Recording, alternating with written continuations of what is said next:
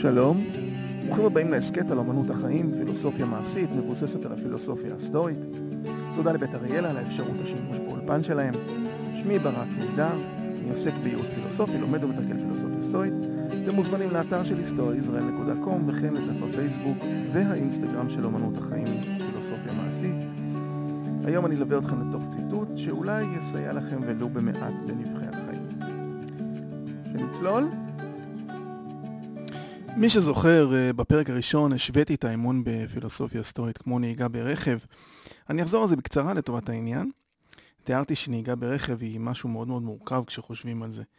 אה, בעיקר כשרק מתחילים ללמוד, אז אה, למרות שלמדנו את כל התיאוריה ואת כל החוקים, הביטחון הוא מאוד מאוד ירוד, אפילו שיושב לידינו מורה נהיגה מאוד מיומן שאמור להשלות לנו ביטחון.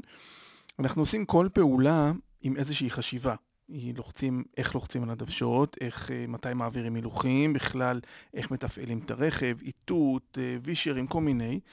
עכשיו, נכנסים למשוואה גם דברים עוד יותר מפחידים, הולכי רגל, נהגים אחרים, מזג האוויר, תמרורים, רמזורים, איך להגיע ליעד, חנייה, ווייז, אה, אפליקציות, טלפון שנכנס, מישהו יושב באוטו. כך שמפליא שבכלל אנחנו מסוגלים לבצע פעולה כל כך מורכבת ומסוכנת.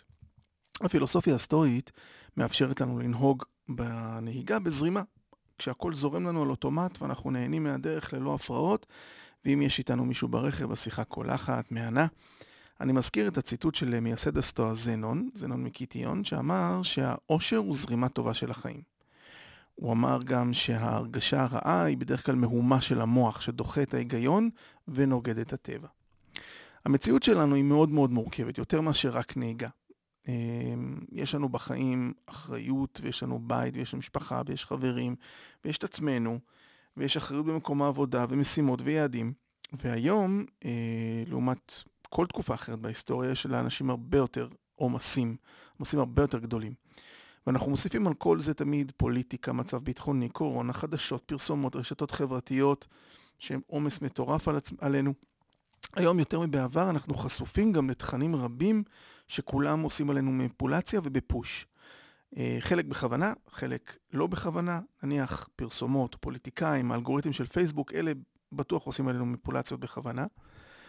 אה, נגיד פוסטים של אנשים ברשתות החברתיות. אנחנו מתפתים להגיב או לעבור לפוסט הבא, כאשר אין בכך כל תהליך חשיבתי אמיתי בעל ערך ל, לרווחה הנפשית שלי. אני לא מכיר מישהו שהשתכנע בדעה שונה משלו כשהוא ניהל איזשהו דיון בפייסבוק עם מישהו אחר.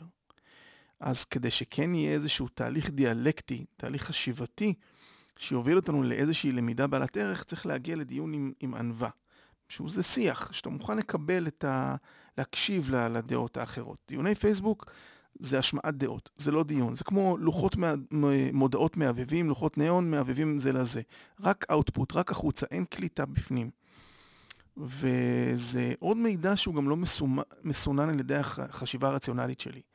החשיבה הרציונלית שלי אמורה לסנן מה שאני צורך, מה אני לא צורך. הכל בפוש, הכל נדחף לנו, כמו שאמרתי. וזה לא שהכל הוא חסר ערך, אבל הרוב זה עומס מיותר. מה שבטוח, אנחנו לא מנהלים את זה מספיק טוב. זה מייצר סוג של התשה, עוד עומס על המוח שלנו. כבר במהלך היום אנחנו חווים התשה. על כן, כשחווים לחץ או עומס, זה הזמן לעשות איזשהו ניתוק קטן, לעשות איזושהי הפסקה, ועדיף להתנהל ממקום שלו ורגוע מאשר מתוך לחץ ועומס. יש אנשים שאומרים שכשהם מתפקדים הכי טוב תחת לחץ, אבל זה משחרר כל מיני הורמונים שמייצרים, אה, פוגעים ממש פיזית בגוף. והשכל לא נשלט אה, על ידינו הכי טוב כשהוא בלחץ, והוא נשלט הרבה יותר טוב כשהוא על ידי גורמים חיצוניים בסיטואציה כזאת שאתם בלחץ. תחשבו רגע כשאתם רעבים, או כשאתם עייפים, אתם מקבלים את ההחלטות הכי טובות שלכם בחיים? מספרים למשל על סטיב ג'ובס שלבש לבש רק חולצה שחורה, טישרט, כדי להפחית את כמות ההחלטות שהוא צריך לקבל ביום, ואז הוא לא מתעסק בזה בכלל. זה מישהו שניהל את החשיבה שלו בהקשר הזה. קראתי לאחרונה שהאקדמיה ללשון העברית נתנה שם אה, למונח well-being. ההגדרה שהם נתנו היא אה, מצב של רווחה גופנית, נפשית וחברתית שמושגת על ידי אורח חיים בריא, התעמלות, פיתוח מודעות עצמית ועוד. באנגלית well-being, בעברית השם שהם נתנו זה שלומות. נחמד, אני מקווה, בואו נראה אם זה יתפוס. היום דרך אגב יש לא מעט אנשים שעובדים גם מהבית, אז הגבולות מטושטשים. וקשה הרבה יותר לשמור על הרווחה הנפשית, על השלומות שלנו, כשגם אין אפילו גבול גיאוגרפי שמפריד פה אני בעבודה, פה אני בבית. יש אה, ערבול. אז אם יש עומס, תפסיקו את מה שאתם עושים, למרות שזה נראה נוגד היגיון, אבל השכל מושבת בלחץ כמו שאמרנו. תעשו רגע תרגיל נשימה, צאו להליכה, פעילות ספורט, כל דבר שייתן רגע מנוחה לשכל להתארגן על עצמו, לחשיבה על המצב שאני נתון בו. וזו נקודה מאוד מאוד חשובה, על לחשוב על המצב שאני נתון בו. הפילוסוף סנקה כתב שצריך לתת לנפש רגיעה. היא תתעלה משופרת וחדה יותר לאחר הפסקה טובה. חשוב לתת אה, איזון בין עבודה לחיים, אבל לא רק, גם שינה פשוטה. יש כמות מחקרים גדולה מאוד שמראים את הקשר העמוק בין, קשר ישיר בין שינה לרווחה ולביצועים. ביפן למשל מקובל לקחת הפסקת שינה בזמן העבודה. בסיינפלד, מי שמכיר, ג'ורג' קונסטנזה עשה את זה כשהוא עבד בניו יורק ינקיס, בנה לעצמו מקום שינה מתחת לשולחן עבודה שלו, אבל הוא עשה את זה בשביל להתחמק ולברוח מעבודה, ולא, ולא מתוך איזשהו קונצנזוס והסכמה. אמ, הסטואים, שהיה להם היגיון בריא, גם טענו שצריך פשוט אה, לקחת הפסקה, בדיוק כמו שהמדע מראה היום. אמ, מי שרוצה להיות יעיל בעבודה שלו צריך לתעדף מנוחות. צריך לדעת איך הוא עושה הפסקות נכונות, איך הוא עושה אה, השבתות, אולי אפילו בקלנדר. כמו הרבה דברים, ציטוט uh, של מרקוס אורליוס ממחיש את, ה, ממחיש את הנושא מצוין, לא רק ב, ב, בדברים שהוא אומר, אלא גם מי היה האיש בזמן שהוא אמר את הדברים האלה. אני מזכיר לכם שמרקוס אורליוס היה האיש הכי חזק בעולם בתקופתו. הוא עסק, uh, הוא היה מאוד מאוד עסוק בהיותו קיסר רומא, הוא עסק בהגנה על הגבולות מפני העמים הברברים הגרמנים. ובהיותו בקמפיין צבאי, יושב לעצמו באוהל, בחושך, עם מנורת לילה, וכותב לעצמו על היום שהיה, וכותב לעצמו בשביל לנקות את הראש, לעשות פעילות שמנקה, מנהלת את הרציונל ומנקה את מה שנכנס לראש באותו יום. והוא כתב לעצמו כל מיני ציטוטים, אה, כל מיני דברים, שזה היה אימון רוחני שהוא עשה לעצמו. אחד הציטוטים בהקשר של הנושא הזה הולך כך: אנשים מבקשים לעצמם מקומות מפלט. אזורי הכפר, חופי ים, הרים, אף אתה, רגיל עד מאוד לארוג לכגון אלה, אך אין כל זאת אלא הדיוטות לשמה. היות שאפשר לך בכל עת שתחפוץ, לסוג לתוך עצמך. הלא אין מקום שלו ורגוע יותר מאשר אליו הבן אדם נסוג, זולת אל נפשו שלו. ובייחוד אדם שבחובו מכמנים כאלה, אשר אם יביט בהם, תבואנה מיד נינוחות מלאה. באומרי נינוחות, אין כוונתי אלא להתנהגות יאה. היה עקבי אפוא. תן לעצמך מפלט זה, ושקם את עצמך.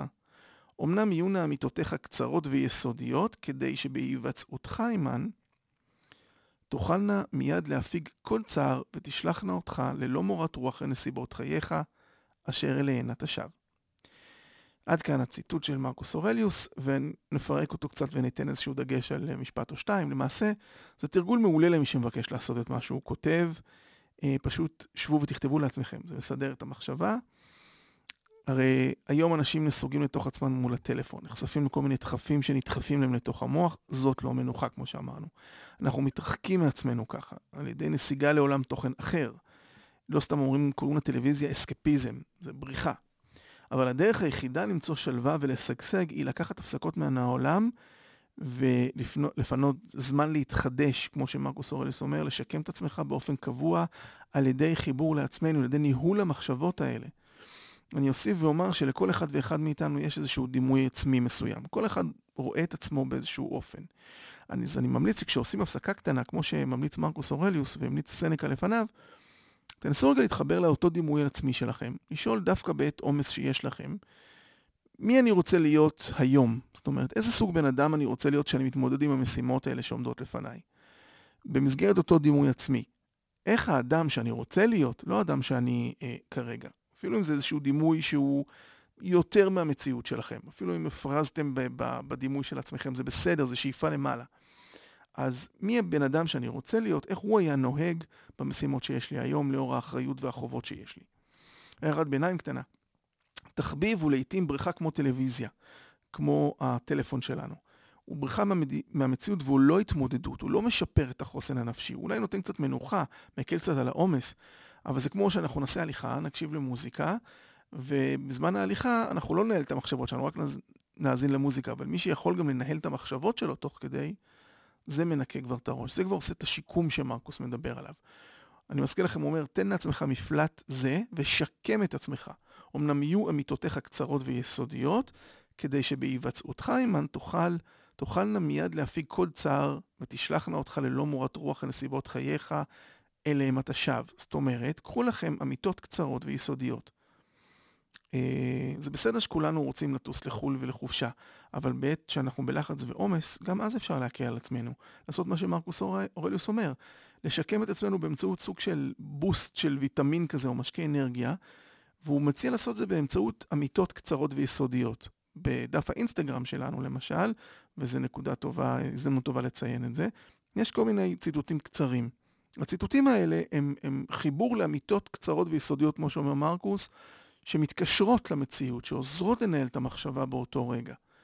ו- וזה סוג של רענון, וזה אה, חוזר לעקרונות חשובים שמחזירים אותנו למוטב, ומחזירים אותנו לרציונל מהאוטומט הזה שאנחנו חיים בו. כמו שאמרנו על הרכב, אנחנו, יש לפעמים ערך לאוטומט, ולפעמים האוטומט צריך רגע לעצור אותו ולחשוב רגע. ואז הציטוט הזה, הוא, הוא יכול להיות כמו אה, משקה אנרגיה לנפש שלנו במהלך היום. אני ממליץ לכם אה, לעקוב אחרי הדף האינסטגרם שלנו, הוא חדש ויש בו כל מיני אה, ציטוטים כאלה. ככה לפחות חלק מהזמן שלכם ברשתות החברתיות, אתם תהיו באיזשהו משהו מועיל. אז תודה שהאזנתם. עד הפרק הבא, זה הפעם, זה הכל להפעם, ניפגש עם פעם הבאה אם ירצה הגורל. והיו בטוב.